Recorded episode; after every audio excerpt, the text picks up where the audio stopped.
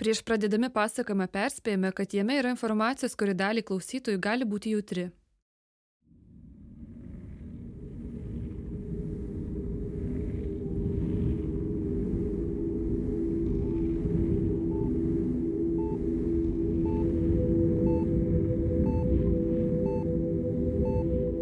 Paskutinis kartas tai buvo 21 metų, kada aš tiesiog nebegalėjau pakelti savo operacijų, nebegalėjau pakelti to rasizmo, nes labai... Būdama 21, Rasma Pažemetskaitė gulėjo ligoninėje. Jai buvo diagnozuotas krūties vėžys. Rasma buvo viena jauniausių merginų Lietuvoje susirgusių šią lygą. Kartu jai buvo nustatyta ir reta kraujo lyga stabdanti krešėjimą. Rasmos būklė buvo sudėtinga, o gydimas sekino. Gas taip, gulėjau Vilniaus santariškėse, Vilniaus universitetinį onkologinį ligonį, per taip vadinasi. Gulėjau ketvirtam aukšte dėl krūtų. Kaip dabar atsimenu, vyr seselė e, Laimutė ir buvo ten kita tokia, girdžiu kaip apie mane šneka, kad va čia guli čigonė, kad va, čia, sako, Dievas čia būdžia, nes todėl, kad jie narkotikus pardavinėja. Tegul ir, nu, vos net tai tegul ten serga dvies ar taip toliau. Jūs klausotės Nailo podcast'o, jį kuria žurnalistų kolektyvas Nanuk aš tiesiog prašiau, kad man duotų nuskausminamųjų.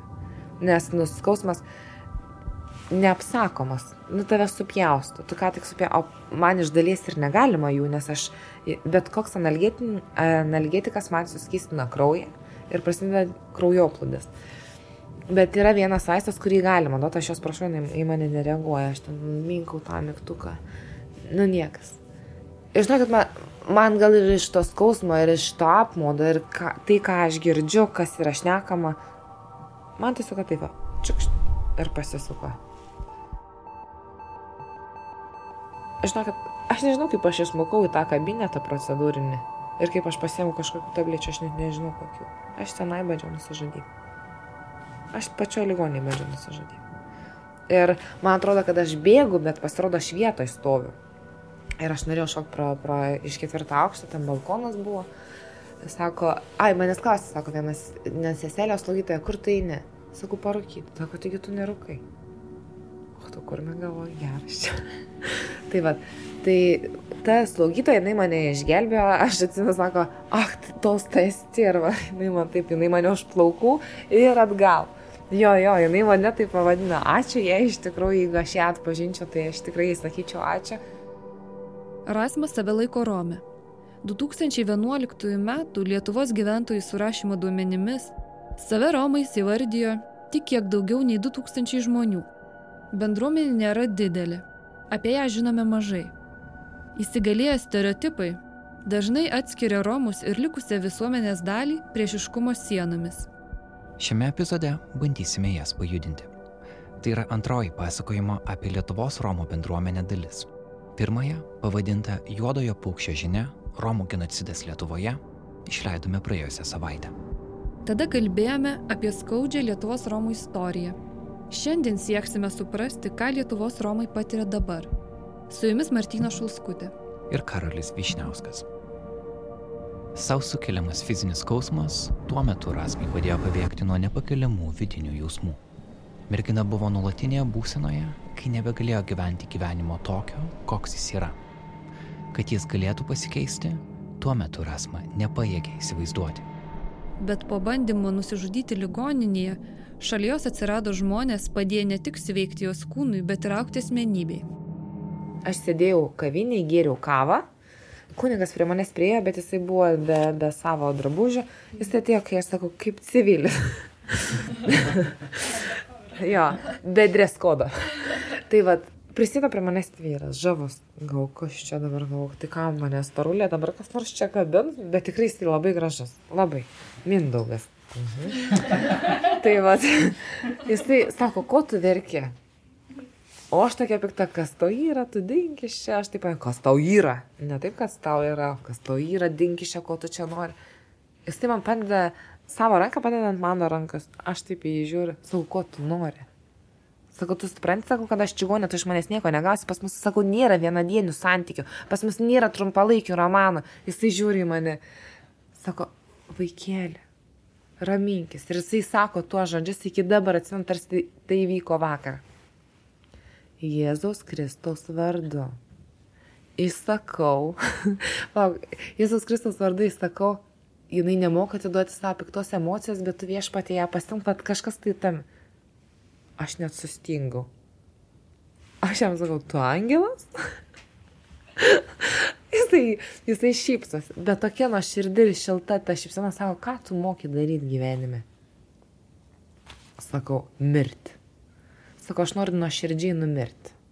Atsakau, va ką aš numoku daryti, tai aš moku mirti ir prisikelt. Na, taip, sakau, tai aš vieną dieną sergu, sakau, vėžiu, tai aš kitą dieną nesergu vėžiu. Sakau, dešimt kartų bandau nusižudyti, susipjaustyti, prisigerti kažko, tai ir man vis neišeina. Nu, va, nu, nu tikrai, sakau, aš noriu nuoširdžiai numirti. Ir aš žinau, kad nepažįstamam žmogui, va taip paimu ir patvirauju. Sakau, aš noriu dabar pamatyti, aš noriu, sakau, susipjausti rankas ir pamatyti kraują. Man va, to, tai būdavo turbūt vidinio to skausmo, ant tiek to psichologiško būdavo, ant tiek daug, kad aš, jeigu aš tikrai pamatydavau kraują, aš nusiramindavau. Tarsi va, ant kiek jau man pratelis pasimaišęs. Ir jis tai ką? Važiuojam, sako, niekur, sako, aš taip nevažiuosiu, tu su manim važiuosi. Sako, aš tau kviečiu policiją, aš nežinau, kas tu. Sako, tai kaip tu angelam kviesti policiją? Tai sako, tai ką tu dingsi? Ne, aš dar sakau, vaistų tikrai neprigėrus, nei trankseno, nei ksanakso, sakau, tu esi tikras, tu ne angelas. Nu, aš, tas toksai, tas dialogas toks, toks ir kvailas, ir, ir to pačiu, bet traukia mane, aš noriu važiuoti. Na ir ką, jisai mane įkalbino, aš sėdu. Ir nuveža jisai mane į vaikų dienos užimtumo centrą, pas Dai. Ir žiūriu, ten tie vaikai visokie, aha, ir romų daug. Galvoju, kur čia jis mane atvežė į pusiau tabarą? Kas čia dabar yra, iš kur tie vaikai? O dievė, jie trikšmoja, kokie šlykštus. Na, aš va taip, aš nekenčiau visų žmonių. Apskritai, nekenčiau čigonų, todėl kad aš patyriau rasizmą ir tą sumušimą. Nekenčiau visų mamų. Ne, aš net mamai sakydavau, kodėl, sakau, tu mane pagimdai. Nu, kodėl tu nepasidarėjai aborto? Aš jai, va, taip, aš jai priekaištaudavau, kad jinai mane pagimdė. Nu, bet sakau, man, nu, visiškai buvo tokie, va, kai sakau, nukrypimai turbūt. Ir vat Daiva, jinai mane prisijaukino, jinai labai labai atsargiai sako, ką tu moki daryti. Daiva, tu musanytė, kai aš sakau, jinai yra be galo fantastiškas žmogus. Nežinau kodėl ir dėl kokių priežasčių ta vienuolė taip mus myli. Jeigu, iš dalies jeigu ir ne Daiva, tai nebūčiau aš Rasma. Jo, kitaip nepavadinsi nėra pasaulyje žodžių, kur, kuriais aš galėčiau apibūdinti Daivą. Jis tikrai be galo myli Romus. Kodėl, aš nežinau. Tiesiog turbūt jos toks pašaukimas. Jis mane daug kur paskatino. Būda Rasma eik, nebijok. Rasmus pavyzdys parodo, kokie svarbus tokie centrai gali būti Romų vaikams sonata. sonata. Ir Anvaras. Ir Anvaras. Tai didžioji dalis dalyvavo. Armandas ir Armandas. Armandas kitas Armandas. Fone girdite garsus iš Nanų komandos apsilankimo panašiame dienos centre Vilniuje. Padėk pritapti centras įsikūręs viename iš kraštinių naujininkų rajono daugiabučių. Iš kiemo pusės laiptai leidžiasi į pusrusį. Ten patalpos, kuriuose po pamokų susitinka ne tik romai, bet ir kitų tautybių vaikai. Jie laisvai renkasi tarp žaidimų laukia ir užsiemimų viduje. Tad prieš prasidedant mūsų susitikimui, pora mergaičių išbėga pakviesti likusių stadione draugų. Čia dabar yra 600 nuotraukų. Ir čia, ir čia bus visos jos be vardų. Aš, mes gal taip specialiai atrinksim ir po to pažiūrėsim, kieno kas papuolė. Prieš metus, Lietuvo šimtmečio proga, šie vaikai darė nuotraukas vienkartiniais juostiniais fotoaparatais. Peržiūrėjome jas kartu su vaikais. Iš viso pamatėme 600 fotografijų archyvą, kuriame ieškojame tokių kadrų, kurie geriausiai papasakotų apie Romų vaikų kasdienybę.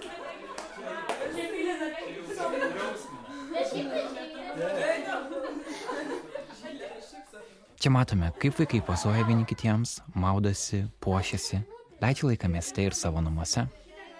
Retas Lietuvos fotografas galėtų tokius kadrus padaryti. Tad savo bendruomenės fotografais tapo patys vaikai. Jų nuotraukas pamatykite Nail.lt ir Nanuk Instagrame. O plačiau apie dienos centrą kviečiame išgirsti mūsų 2017 m. audio dokumentikoje pavadinimu Nauja Romų karta.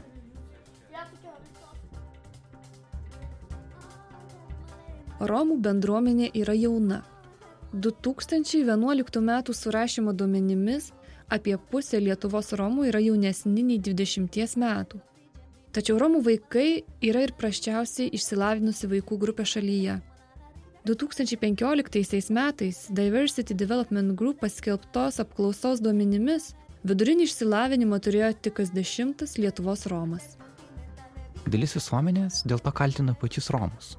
Sako, kad jie tiesiog nenori mokytis. Bet socialinių tyrimų mokslininkė Vita Petrušauskaitė, tyrusi, kodėl Romų vaikai anksti pasitraukia iš mokyklos, įvardė kitas priežastis. Ji rašė, jog Romų vaikai nori gauti išsilavinimą, bet dažnai tampa bejėgiais kelyje į šio noro įgyvendinimą. Tėvai dažnai neturi galimybių užtikrinti vaikui tinkamų sąlygų nuvykti į mokyklą ar užpildyti mokymosi spragas po pamokinę veiklą. Padėk pritapti dienos centras yra viena retų erdvių, kur vaikai gali papildomai mokytis ir kurti socialinius ryšius. Tačiau mokyklos, socialinės rūpybos centrai ir kitos įstaigos dažnai būna pasyvios ir stokoja kompetencijų spręsdamos Romų problemas. Kartais pasirinktos Romų integracijos priemonės būna ypač kontroversiškos.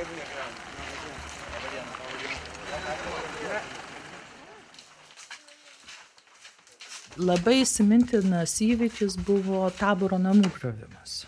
Jis mane labai sukrėtė, iš tikrųjų Ir taip atsitiko, kad buvo suplanuotas vizitas tą dieną su studentais. Aš tuo metu dirbau kultūrmendrių studijų centre Vilniaus universitete ir su Vilniaus universiteto studentais mes važiuodavom į taborą, nes geriau ne kaip į ekskursiją, bet kaip tai būdavo mokymo priemonė. Tas vizitas, nes pamačius tas sąlygas, tada nereikėdavo ir daug burnos aušint, aiškinant dalykus, nes patys studentai pamatydavo. Man pasramino, pasakė, namus greuna, tai buvo žiema. Ir aš pagalvojau, kad gal atšaukt tą vizitą, bet pagalvojau, kaip tik gal nereikia to daryti, reikia nuvažiuoti ir pamatyti. Antropologė Užra Simoniukštytė, ilgus metus tyrinti Romų kultūrą, prisimena Vilniaus taboro namų grevimą 2004 metais. Tuomet buvo nugriauti penki namai. Savivaldybės atstovai teigė, jog namai pastatyti be leidimo, o formaliai gyventojai apie griuvimus įspėti laiku. Neigiamas požiūris į Romus Lietuvos visuomenėje tuo metu siekė 77 procentus. Romai, kaip ir dabar, buvo siejami ne su savo ilgamžė kultūra, o su narkotikų platinimu. Tai mane labai sukrėtė ir studentus labai sukrėtė, tas buvo matyti nes e, namai buvo gyvenami, tai buvo žiema, buvo šalta, buvo sniego, buvo brutali jėga naudojama, policija su automatais, neleido filmuoti, traukė žmonės iš namų, traukė vaikus iš namų ant sniego, nesuteikiant jokio kito gyvenamo būsto. Aš net mintise palydinau tos įvykius su sausio 13 nes irgi teko dalyvauti, tai va, tas brutalumas buvo man labai panašus. Ir aš dar pagalvojau, nuo savoj valstybėje su žmonėm taip elgiamasi, taip neturėtų būti. Tai tas momentas man labai svarbus yra, aš jį labai įsiminiau, pamačiau, koks gali būti žmogus bejėdžis prieš sistemą, jeigu sistema visą kovoja su, su tavim. Vėliau aukščiausiasis teismas konstatavo, kad greudama pastatus taborė Vilnius miesto savivaldybė pažeidė Romų teisės. Savivaldybei skirta beveik 16 tūkstančių eurų bauda. Praėjus 15 metų nuo pirmųjų grevimų, Vilniaus taboras yra sumažėjęs per pus. Iš 500 buvusių gyventojų ten, savivaldybės duomenimis, dabar gyvena tik apie 200. Taboro išardymą palaiko dalis politikų ir dalis pačių Romų. Anot jų, Romai turi gyventi kartu su likusia visuomenė, jeigu norima, kad atskirtis mažėtų. Europos komisija savo rekomendacijose valstybėms narėms siūlo panaikinti bet kokią Romų teritorinę segregaciją, o priverstinio iškeldinimo atveju užtikrinti, kad būtų visiškai laikomasi žmogaus teisų. Praktikoje tai reiškia, kad Romams prieš iškeldinant juos iš taboro prieš tai pasiūlomas socialinis būstas arba kompensacija būsto nuomai. Teigiama, kad šiuo metu Vilniaus taborė greunami tik tie namai, kuriuose jau niekas nebegyvena. Skaudžiausias sisteminis nusikaltimas prieš Romų bendruomenę Lietuvoje buvo Romų genocidas, įvykdytas nacijų okupacijos metais. Bet Romų bendruomenės matymas kaip kitokių tęsiasi iki šiol. Tai neišmokta pamoka. Aš kartais galvoju, lietuvėms galbūt yra patogus aukos vaizdinys. Čia buvo režimai, sovietinis, nacistinis ir lietuviai buvo aukos tų režimų bet lietuviai ne tik buvo aukos. Kartais jie dalyvavo naikinant kitas aukas. Ir čia yra toks prieštaravimas tam įsivyravusiam savivaizdžiui. Ir jis yra labai nepatogus. Bet mes negalim judėti prieki. Skaudžių istorijos epizodų neapmastė, neįsisamoninę ir nepadarė išvadų. Tai tas mokslinis rasizmas, visą XIX amžiaus visi tie naratyvai apie baltosios rasės viršenybę ir kultūros esencializavimas, rasizmas, stereotipinimai, visi šitie procesai privedė prie nacizmo labai na, nuosekliai. Labai nuoseklus judėjimas link to, kas įvyko, link tos katastrofos. Kas atsitiko su žydais, kas atsitiko su romais, kas atsitiko su įvairiom žmonių grupėm okupuotose teritorijose. Labai kryptinga labai nuoseklu. Ir tai nepasibaigia. Tos, tos prielaidos, kurios leido įsitvirtinti nacizmo ideologijos, iki šiol gyvos. Ir tai kelia labai didžiulį susirūpinimą. Aišku, turi susidaryti tam tikros politinės sąlygos, kad toks režimas kaip nacijų galėtų įgyvendinti masinį naikinimą, bet man labiau čia rūpi mąstymo būdas tos didžiosios, tyliosios daugumos, kuri nesipriešino ir tuo pačiu palaikė tą režimą.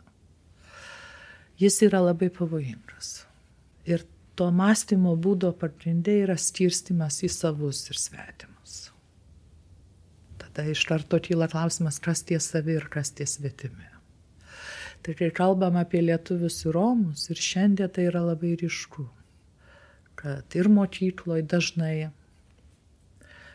kiti vaikai, mokytojai, kai kurie, aš nesakau, kad visi, bet kai kurie skirsto ar nelaiko Romais saviškiais kabutėse. Žiniasklaidoje ryšku. Tai, kad muziejuose mes negalim rasti eksponatų iš Romų kultūros, nors jie čia daugiau kaip pusę tūkstančio metų gyvena Lietuvoje, rodo tą patį skirstimą ir supratimą, kas yra savas, kas yra svetimas. Ir toks supratimas skaldo visuomenę o ypač patogu laikyti svetimų grupę, kuri yra socialiai užrybėje, neturi ypatingai galių, neturi svertų paveikti visuomenę. Nu tai ją labai patogu, dar labiau pasmerkti.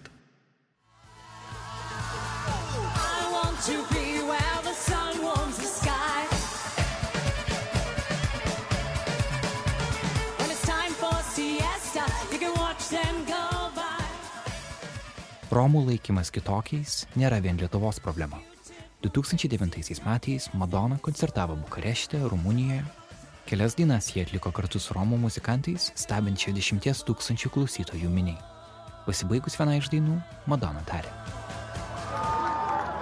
I'm very happy to be here. Now, I've been paying attention to news reports and it's been brought to my attention that there's a lot of discrimination against Romanies and Gypsies in general in Eastern Europe. And that makes me feel very sad. Man užkliuvo tai, kad bendrai rytų Europoje yra daug diskriminacijos prieš Romus. Mane tai labai nuliūdina. Pagal Romų grojimo muziką šėlė klausytojai pakeitė toną. Madona scenoje buvo nušvilpta Klausytojai mėgavosi Romais, kol šie juos linksmino scenoje, bet jie nenorėjo girdėti apie Romus gyvenančius kaiminystėje.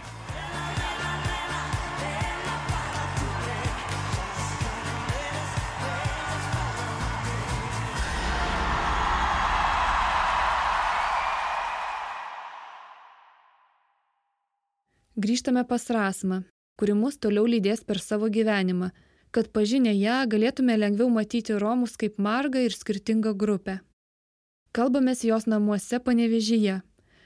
Kambaryje su arbatos staliuku ir foteliais, bei dvieaukštę vaikišką lovą. Ji dvinukių Rasmos dukrų. Moteris mus vaišina sausainiais ir arbata ir pasakoja, kad pas daugelį kitų Romų arbatą turbūt tektų gerti iš lėkštelės, nes taip ją geria patys Romai. Iš viso, jeigu taip pat pasakyt, kas aš tokia, aš negaliu atsakyti, nes tada, kad mamos mama Lenkijos Romė, mhm. o mamos tėtis Serbijos ar Moldavijos. Va tą bijau pasakyti. Mano senelis žydas, o močiutė lietuvė. Ir mirus tėčiai atsirado patėvis, jisai stačiatikis, man atrodo, jisai iš Vilnius, Romas, jisai mm. buvęs baronas. Tai va, jisai toksai, nu, toksai jau, jau, jau, nu, tai aš sakau, povas buvo. Tai vad vėlgi, tai kas aš tokia? Yra tokia frazė, kurią aš dažnai miniu, tarp savų svetima, tarp svetimų sava. Tai mano auksinė frazė, nes todėl, kad Romai mane vienai priema, mm. lietuviai mane kitaip priema. Rasma baigė mokyklą panevežyje, būdama vienintelė Romė tarp daugumos lietuvių, ji turėjo savus, mažai kam suprantamus iššūkius.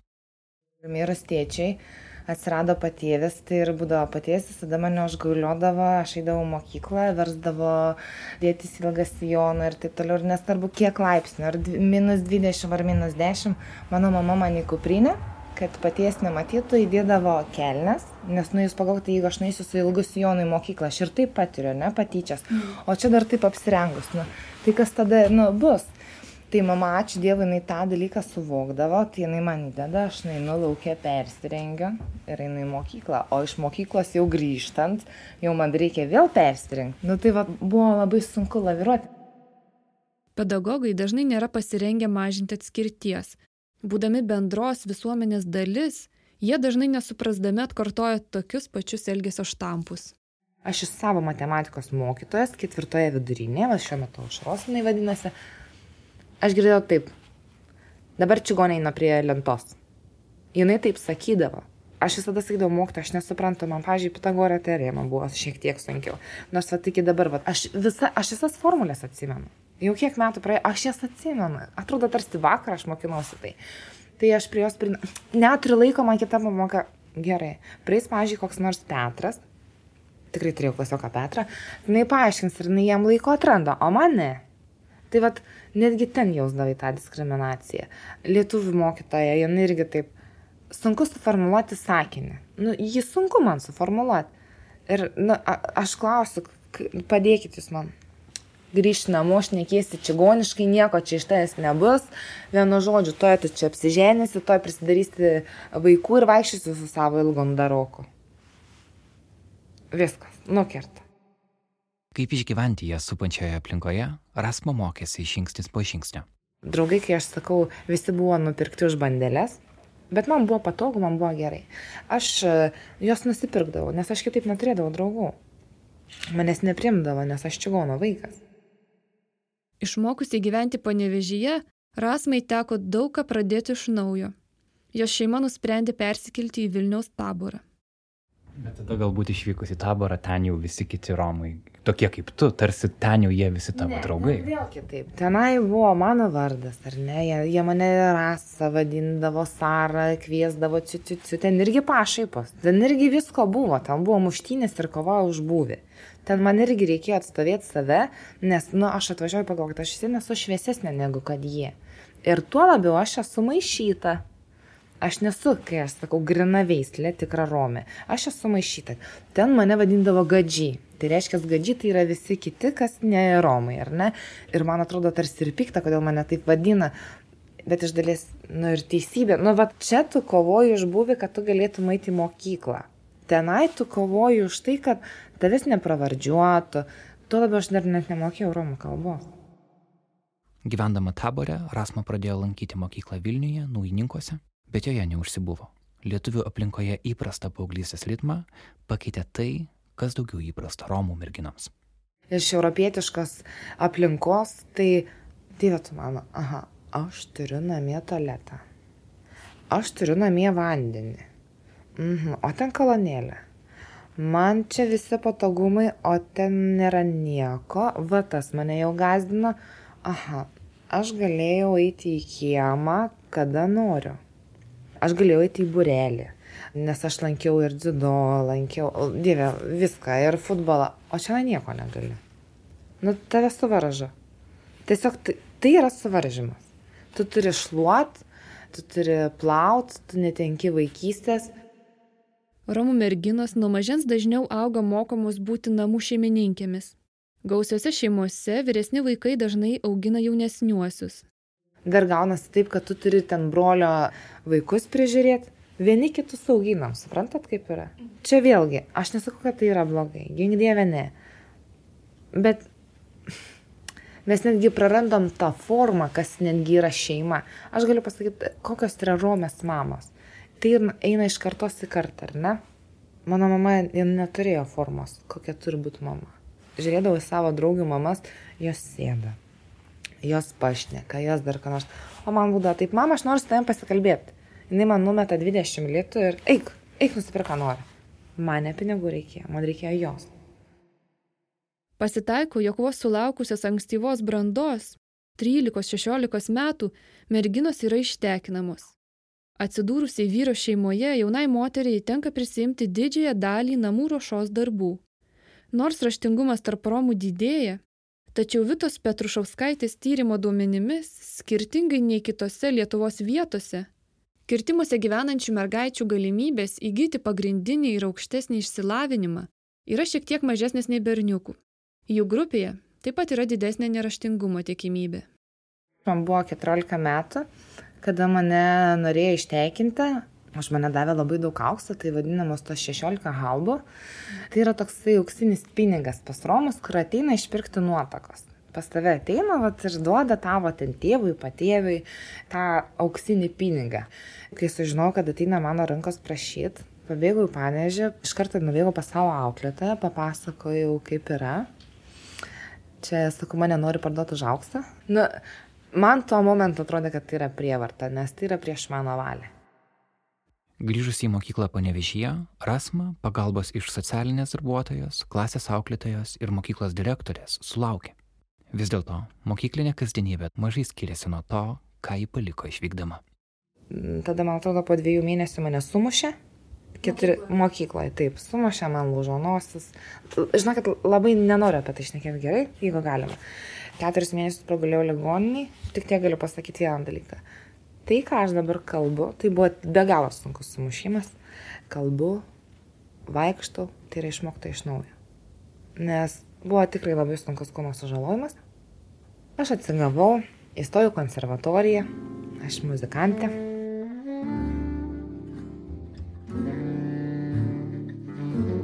girdite prancūzijos Romo talentingo gitaristo Bireli Lagren muziką. Čia jis groja kartu su saksofonistu Frank Wolf.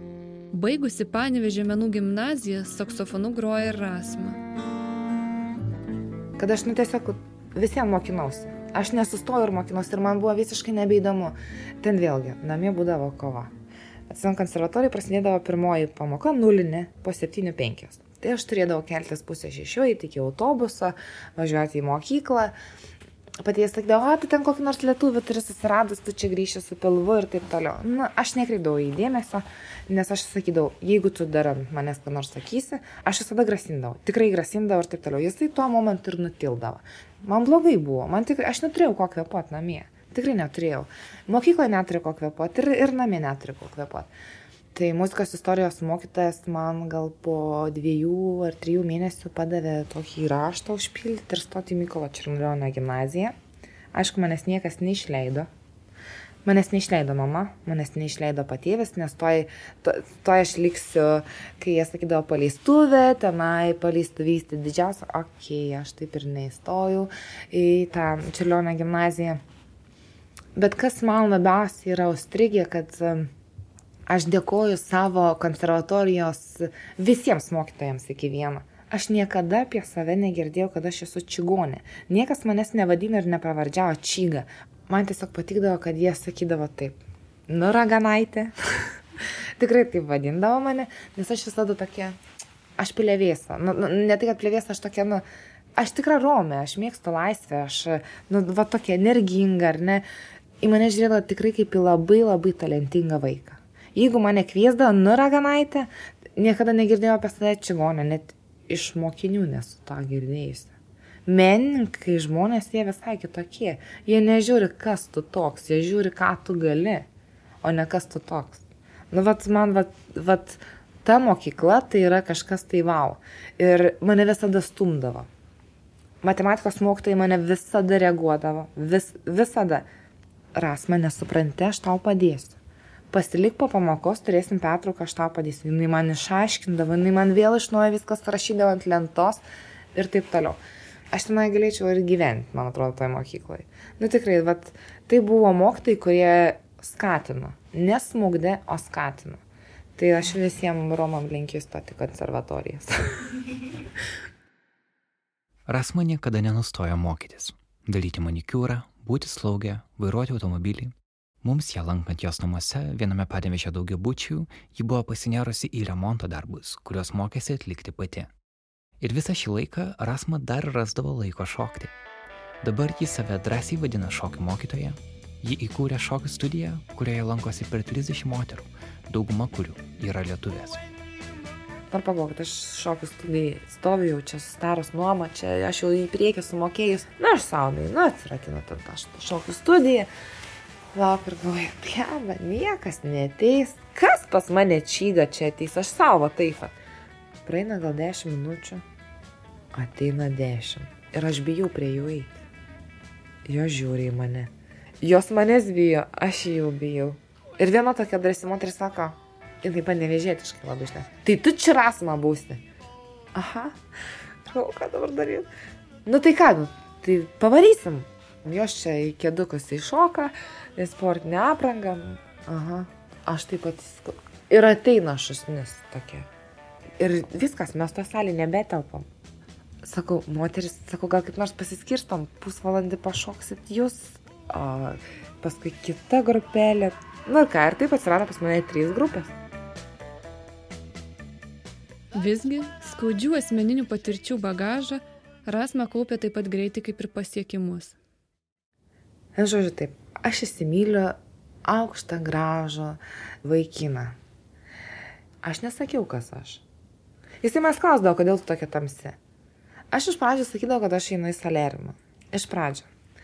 Paskui jisai manęs kažkada paklausė, kiek tu minučių eini į salerimo. Aš aišku, ne, nebuvus, aš nežinojau. Aš sakau, pusvalandį. tai va. Bet gerai, čia viskas ok, čia dzin ir, pa, ir vieną gražią dieną jis tikrai manęs sako, rimtai iš kur tu kilus? Iš Moldavijos, sakau. Ir viskas, tuo ir pasibaigė. Bet kad Moldavija tai yra slavai, nu jie nėra labai tamsus, nu kaip mes. Jis turbūt blogai mokinasi ir jisai nesuprato. tai va, reiškia taip, praeina devyni mėnesiai mūsų draugystės. Tai jisai galvoja, kad aš Moldavė ir taip toliau, jisai dar nematė mano tėvų, aš tik jau mačiau, jisai, aš dar pas save, ne, dar ne. Na gerai, mes dabar išėjom pasivaikščioti, tai na Romai, Romų šeima. Ir jisai sako, pažiūrėk, tie čigai kokie. Jūs įsivaizduojat, kaip man kerta. Man tik, man tik tais pulsas atsirado kalnuose, jisai vėl pakilo, atrodo, čia širdis atsirado stemplėje. Ir galvoju, tėtu mano, ką tu dar pasakys, kokie jie purvini, juos čia reikia. Nes negražiai ten pasakė. Ok, ir mintys, gal ką dabar daryti? Ar jam pasakyti, ar pabėgti nuo jo? Ir žinokit, aš keturias dienas su juo nesusitikau, aš, aš taip ant jo pikau nemoku pasakyti, kas mano viduje dėsi. Man norėsi jį palikti, man norėsi jam pasakyti, kad aš čigonė ir jį palikti, jį taip įskaudinti. Jūs pagalvokit, na, va, va taip. Ir paskui galiausiai galvoju, aš tylėsiu, nes aš jį myliu. Va taip. Reiškia, praeina kažkiek tai metų. Jisai matė mano mamą, bet mano mama irgi jinai taip, jinai labai moka, kai aš sakau, apsirengti. Jinai va taip pat kaip ir aš prie Romų Rome, prie, kaip pasakyti, lietuvių, jinai užsideda šiek tiek trumpesnį sienėlį ir taip toliau. Ir kai aš sakau, taip gatvės kalba pasakysiu, jisai tiesiog neįkirto ir jo tėvai neįkirto, kad mano mama yra Rome.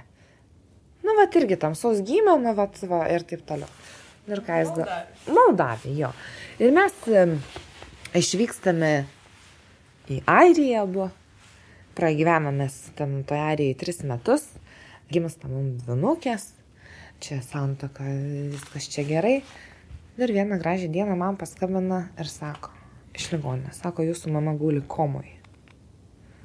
Ok. Galvoju, dabar mano mama mirs, ją reikės laidot, bus šermenis ir susirinks daug romų. Nes mano mama būsi barono žmona. Ir galvoju, aš privalau jam pasakyti. Aš verkiu ir skambinu, sakau, būk geras, grįžk iš darbo, sakau, mano mamai prastai. Na ir dabar važiuojant į oro uostą, aš jam sakau, sakau, aš esu Romė. Aš nesu Moldavė. Jisai galvo, kad Romė tai yra iš Romos. Tai vad irgi tas ir pasirodo, kad jisai nu, tikrai prastai mokinasi, jeigu jisai žino. jo, jo. Čia žinokit, aš dabar juokiuosi iš visos šitos situacijos. Jisai nesureagavo. Jau mes nusileidom, mano ošionė jau nubėgo į ligoninę ir sako, žinok, prie tavo mamos ten kiek daug čigonų, ką jie ten veikia ir taip toliau, ten čigonai, dieve, ką jie ten daro. Tai ir aš tada sakau, aš čigonė. Gal aš blogai dariau, kad aš melavau. Ir jisai tada man pasakė tokius žodžius, aš niekada nebūčiau tavęs vedęs, jeigu aš būčiau žinojęs, kad tu esi čigonė. Ir mes įsiskyrėm. Jo, nes labai staigiai, žinokit, aš tapau jo šeimai verksą. Tapau vagis, melagį. Jau prasidėjo tokie dalykai, kad, nu, taip aš melau, kas aš esu. Ta prasme, kokia mano tautybė. Bet aš nemelau savo jausmų. Ir, nu, vat, tas vat yra be galo skaudu. Kaip mes tai pavadinsim? Rasizmu?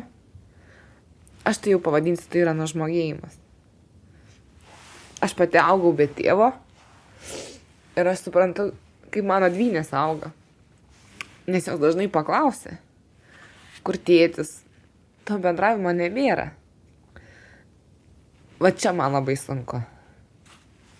Sakau, kas tai yra skaudžiausia, kad vat, kai praeitais metais mano vyras grįžo ir pasėmė mano mergaitės, ar ne, jisai įsivežė ir taip toliau, man grįžta vaikai ir sako, tėtė sakė,nyt pas tą babą čigonę.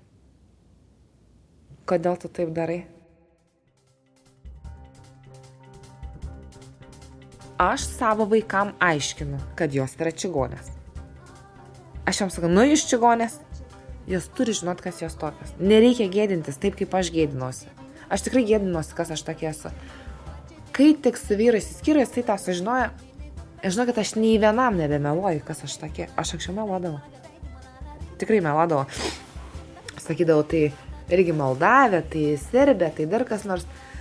Bet aš tik čigonė. Ir aš labai to džiaugiuosi. Aš labai džiaugiuosi tą tautą. Aš džiaugiuosi, kad aš įsilaisvinau nuo visų tų, kad reikia gėdintis, kad aš čigonė, reikia bijot, ką apie mane pagalvos kiti. Žinokit, su vyru po skirybų viskas. Aš laisva. Aš tiesiog esu laisva. Dvi frazės esu girdėjęs iš dviejų vyrų. Aš norėčiau gyventi su čigoniu, nes jis labai turbūt karštas. Tai vėl, kaip tu žiūri moterį? Tas mane, pažiūrėjau, žaidžia. Aš šiandien nesu asmenybė. Nesvarbu kokia čigonė, žydė, dar kažkokia tai. Aš šiandien asmenybė, aš neseksiu objektas. Ir dažniausiai, kas man pikčiausia, kai sako, niekas nieko nežino apie Romus. Nei viena nėra žymaus Romo, o Čerli Čeplinas. Kas jisai buvo?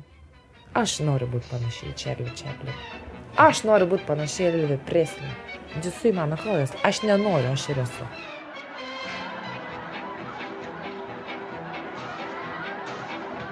Charlie Chaplinas tik viena iš daugelio ikoninių asmenybių turinčių romiškas šaknis.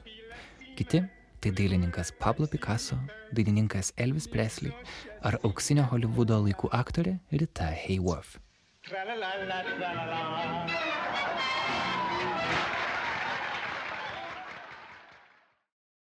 Dabar Rasmus požiūris į ją supančias aplinkybės yra pasikeitęs. Moteris planuoja persikelti į erdvesnius namus ir atidaryti drabužių parduotuvę. Tačiau pačios aplinkybės pasikeitė nežymiai. Šiemet Etninių tyrimų instituto užsakymu atlikta apklausa parodė, jog su Romais kaiminystėje nenorėtų gyventi 63 procentai respondentų, dirbti vienoje darbovietėje 39 procentai, o Romams išnuomoti būsto nenorėtų 65 procentai respondentų. Skaičiai kasmet lieka panašus. Šios statistikos iliustraciją galime matyti ne tik gatvėje, bet ir internete. Atsirado internetas. Dabar mes sako, ai va, vėl rasizmas lenda, ar ne? Jisai lenda, jisai visada ir buvo. Tik internete visi gali, pažiūrėjau, ten reikšti savo mintis, Ir mes galim tai fiksuoti, dabar dar atsirado screenshotai, jo. Tai aš viską fiksuoju ir sakau, kai man reikės, aš visiems viską išdėsiu. Jo, jo, aš, aš kaupiu. Aš irgi kaupiu. Aš turiu gal apie 147 screenshotus apie ką atsiliepia apie Romus. Tikrai, žinokit, renku. Aš kad nors ką nors parašysiu. Dalimi Rasmus surinktų neapykantos komentarų pasidaliname ir Naila LT tinklalapyje, kaip tam tikrų dabartinės internetinės kultūros liudijimų.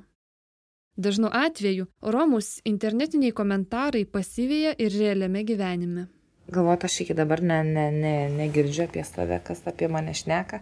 Netgi va čia irgi buvo toks atvejis, atsikraustau aš čia, nusiperku šitą butelį.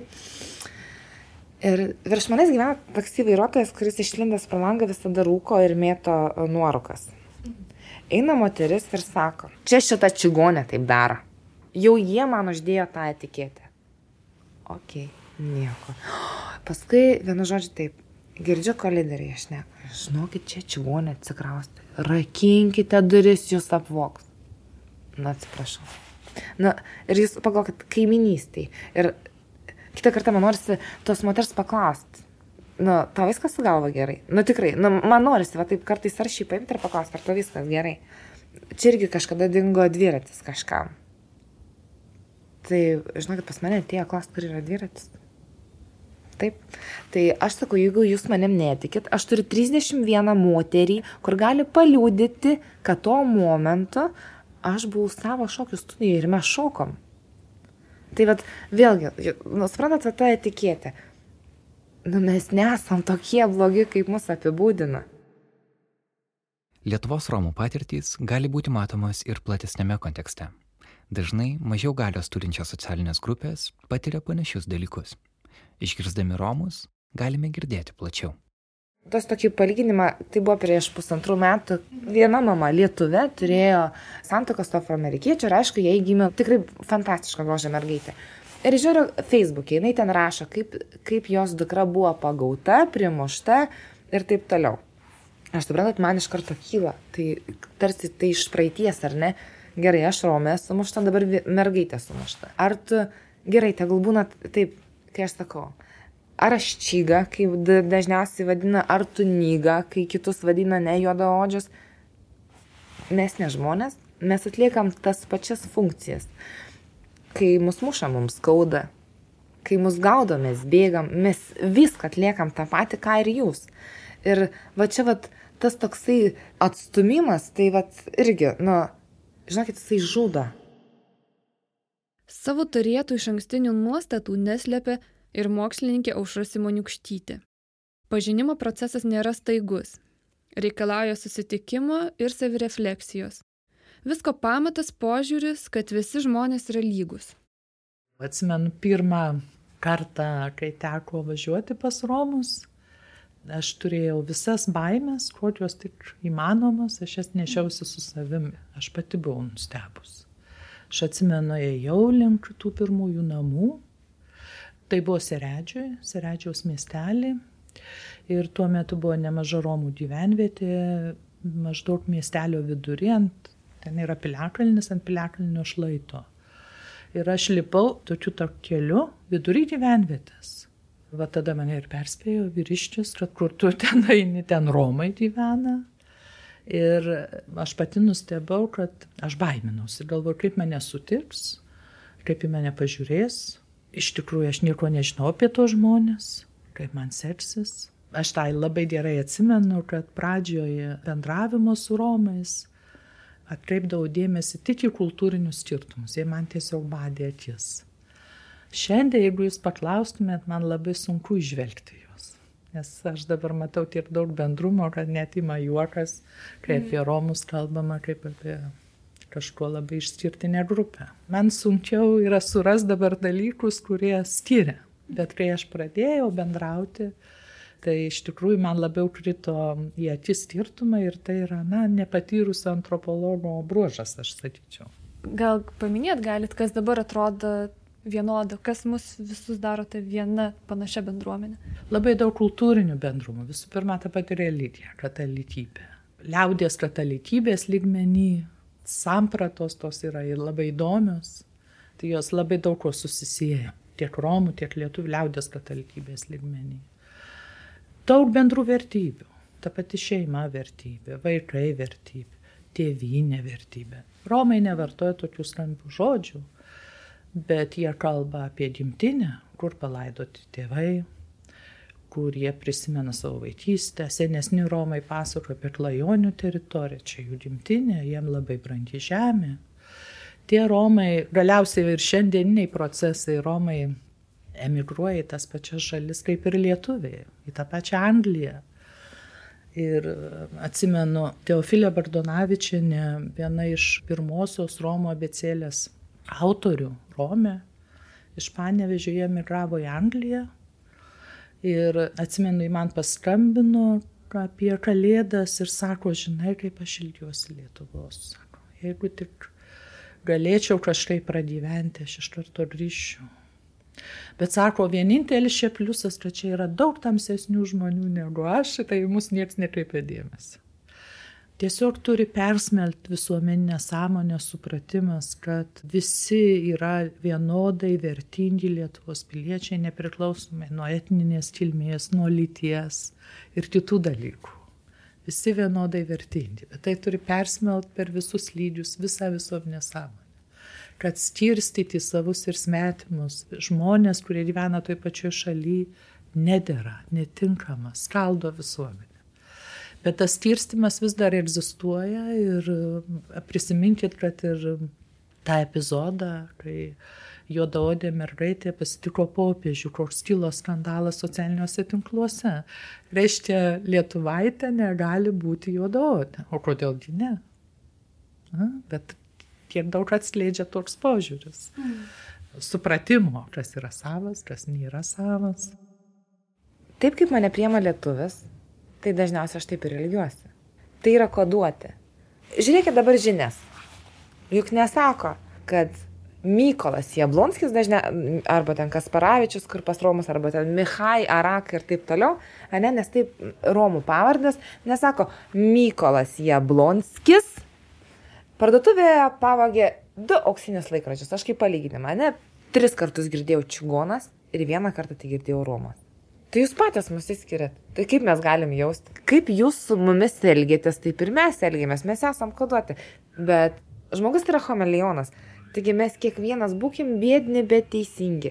Ten, kur mums vėjas papus ir mums bus geriau, ten mes ir nusinešim kartu su tuo vėjeliu, ar ne? Aš galiu pasakyti, aš negalėčiau gyventi be lietuviškos duonos. Man tai yra skanu.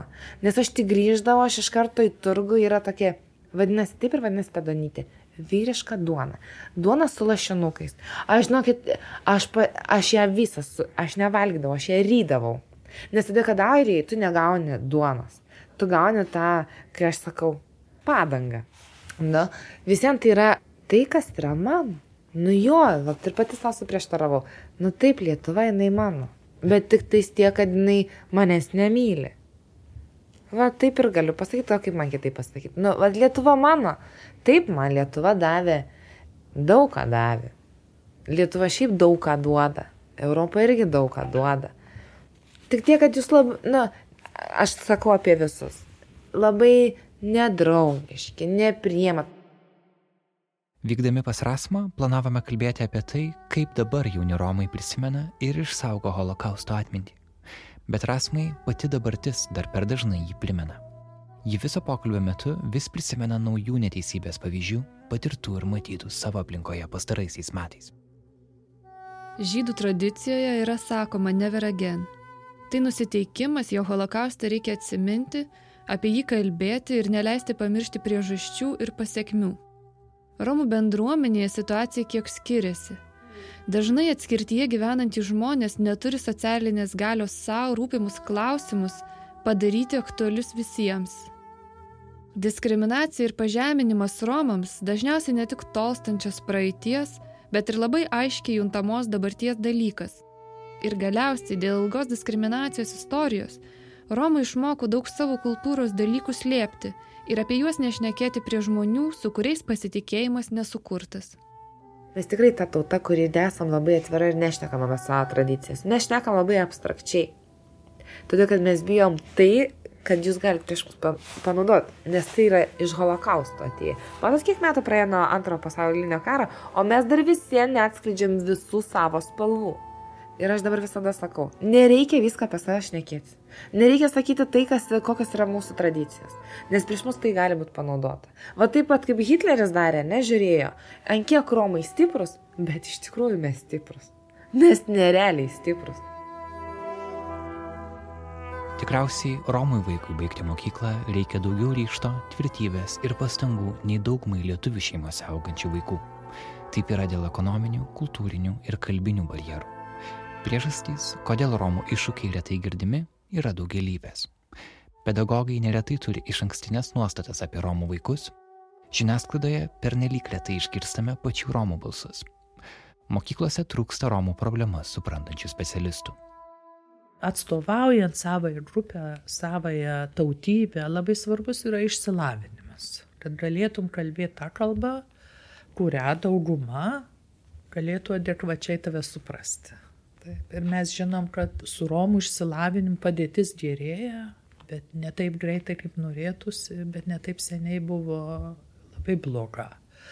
Ir iš tikrųjų pagal išsilavinimo rodiklius Romų etinė grupė išsiskiria iš visų etinių grupių Lietuvoje. Tai mes čia galim sakyti, kad tai yra tas rytis, kurioje Romai yra diskriminuojami. Švietimo srityje Romai yra diskriminuojami, nes tai matom iš pasiekmių, kadangi neįgyja tokio išsilavinimo kaip kitos etinės grupės. Išsilavinimas labai svarbus, norint tinkamai atstovauti savoje grupę. Pastaruoju metu vis daugiau atsiranda lyderių, kurie tą labai sėkmingai daro, tai labai džiugu.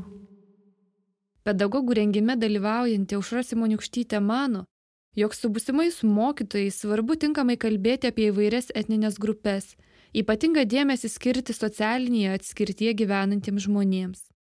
Bet labai svarbus vertybinis aspektas, tas holistinis vaiko ūkdymas. Ir svarbiausia - vertybių ūkdymas.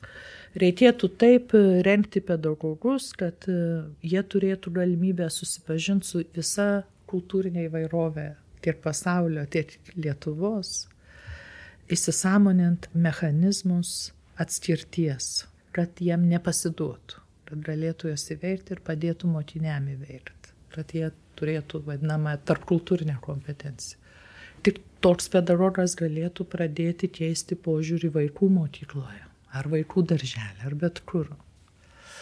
Tai labai svarbu mano supratimu, kad suprastų, kad kultūrinė įvairovė ji nėra išsidėšiusi horizontaliai kultūriniai skirtumai vaidina didžiulį vaidmenį visuomenės hierarchijos konstravime. Mm. Pavyzdžiui, jeigu gimiai Romų ir esi socializuojamas būti Romu arba Rome, visuomenė tave padės į tam tikrą hierarchinę pakopą ir tu turi su tuo sustaikyti kažkaip. Tie kultūriniai skirtumai yra išsidėstę faktiškai vertikaliai pedagogai turėtų įsisamoninti savo atsakomybę socialinės nelydybės akivaizdoje. Nes jeigu, pavyzdžiui, Roma iškrenta iš mokyklos, tai reiškia, kad ta mokykla atkuria tos socialinės nelydybės modelius, vietoj to, kad juos stabdytų. Nes e, švietimas ir žinios, išsilavinimas yra taip pat resursas, kaip ir finansiniai resursai. Per tris mūsų susitikimo valandas, nušvietusi savo istoriją, Rasma apibendrina. Dabar vėl laikai pasikeitė, dabar patys tie Romai, jie labiau tokie, kaip pasakysiu, gal atėjo tas supratimas, kad, nu, tu privalai taikytis ir prie to lietuvio. Mhm. Nu, aš kaip visada sakau, tu lietuvio aplinkoj būk europietė, ar ne? Nu, Europą, ar ne? Lietuviai yra europiečiai, tai tu būk europietė, pas Romus tu būk Romi. Šokių studijai, kai, vat, kai man sako, tu kitokia mes matom. Jeigu tu būtum ne kitokia, biški sako, tokių neeuropietiškų pažiūrų, jeigu tu neturėtum ką papasakot, sako, tu ir neturėtum šitos studijas. iš dalies teisingai ir pasakė, jeigu aš būčiau gyvenus taborą, aš būčiau nieko neturėjęs. Jeigu aš būčiau nekovojus su mama, su patėviu, nebūčiau kovojusi mokykloje, aš nebūčiau nieko turėjęs. Aš ir taip esu dulkelė, kur niekas nieko nemato. Aš nenoriu būti žvaigždė. O ką man žvaigždė, aš namie žvaigždė savo vaikam. Kai svečiavomės pas Rasmą, Ji užsiminė, kad išvakarėse buvo susitikime su bendraklasiais iš senosios mokyklos. Tai buvo ta mokykla, kur aš turėjau labai skaudžią patirtį. Tiek su klasiokais, tiek su, su visais mokiniais, kada aš ten buvau diskriminuojama dėl kitokio gymio, dėl, dėl to, kad esu Romė ir taip toliau. Ir man kas labai patiko, jie turbūt mane pamatė iš kitos pusės, kad aš integravausi, ar ne? Ir net malonu buvo ir verkiau, nes atsiprašinėjo ir taip toliau. Aišku, tu to niekada iš, iš savo atminties neišmesti, nes buvo taip, kad tikrai buvau labai stipriai sumušta. Nu, yra dar tų nuoskaudų. Bet, nu, kaip pasakyti, kai žmogus matai, kad su tavim nuo širdžiai ir jisai atsiprašo. Ir, ir nu, vaikai mes buvom vaikai. Ir nu, kažkaip labai malonu, kad nu tuo ir pasibaigė. Ir mes labai linksmai praleidom vakarą ir, ir nu, faina, tikrai. Kad ir vat, teko pabėgti iš tos klasės, nes grinai buvo spaudimas toksai, bet vat, po tiek metų jie mane susirado. E, pakvietė. Pakvietė, va tas sakau, labai labai faina. Iš tikrųjų labai e, faina tas, kad mano kava, jinai laimėta. Šiandien aš taip galiu pasakyti.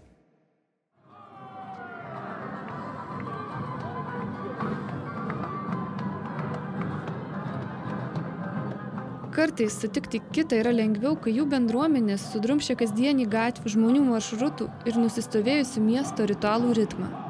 Girdite garsus iš šį pavasarį vykusio Romų kultūros festivalio Gypsy Fest.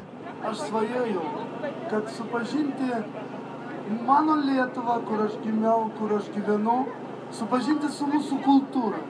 Su mūsų kultūra, o ne su stereotipais, kuris dėja yra šiandien. Bet šiandien yra šventė ir aš Galimybė atvirai eiti gatvėmis yra mūsų ryšys su laisvė ir saugumu.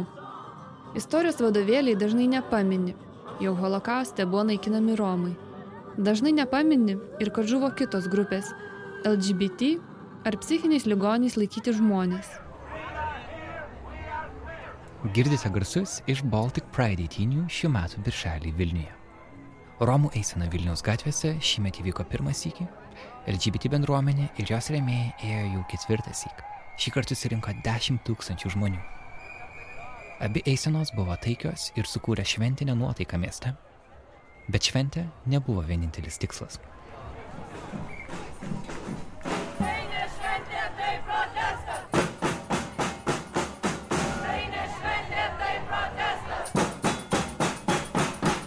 Kaip deklaravo dalis Baltic Pride eisenos dalyvių, Tai buvo ne tik šventė, bet ir protestas. Turbūt panašiai reikėtų sakyti ir apie Romų eiseną, nes atviros gatvės mažumoms yra žingsnis saugesnės ir atveresnės visuomenės link. Tai prieš priešą baimį ir susitaikymui su galio turinčiojo valia.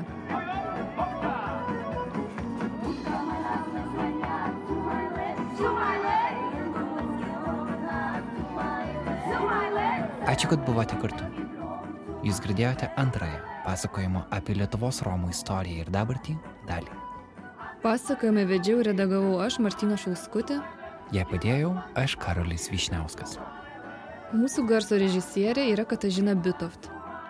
Fotografai Beatričia Bankauskaitė, Rūta Meilutytė ir padėk pritapti dienos centro vaikai. Fotoredaktorius Artūras Morozovas. Už iniciatyvą sukurti šį pasakojimą ir visapusišką pagalbą jį kuriant dėkojame Agnieškai Avin už pagalbą transkribuojant interviu Karinai Gervytei. Epizodo studijiniai įrašai atlikti Nacionalinės Martino Mašvido bibliotekos garso įrašų studijoje. Epizodą iš dalies finansavo Lietuvos tautinių mažumų departamentas. Nailo podcastą išlaiko patys klausytojai per Patreon platformą. Jos adresas yra patreon.com slash nanuk multimedia kaip vienas žodis. Mūsų 100 dolerių patronai yra Vytautė Sinauskaitė, Blossom Boot Foundation ir Benedikto Gylio paramos fondas. Naila podcastą kūrė žurnalistų kolektyvas Nanuk. Iki kitos savaitės. Iki.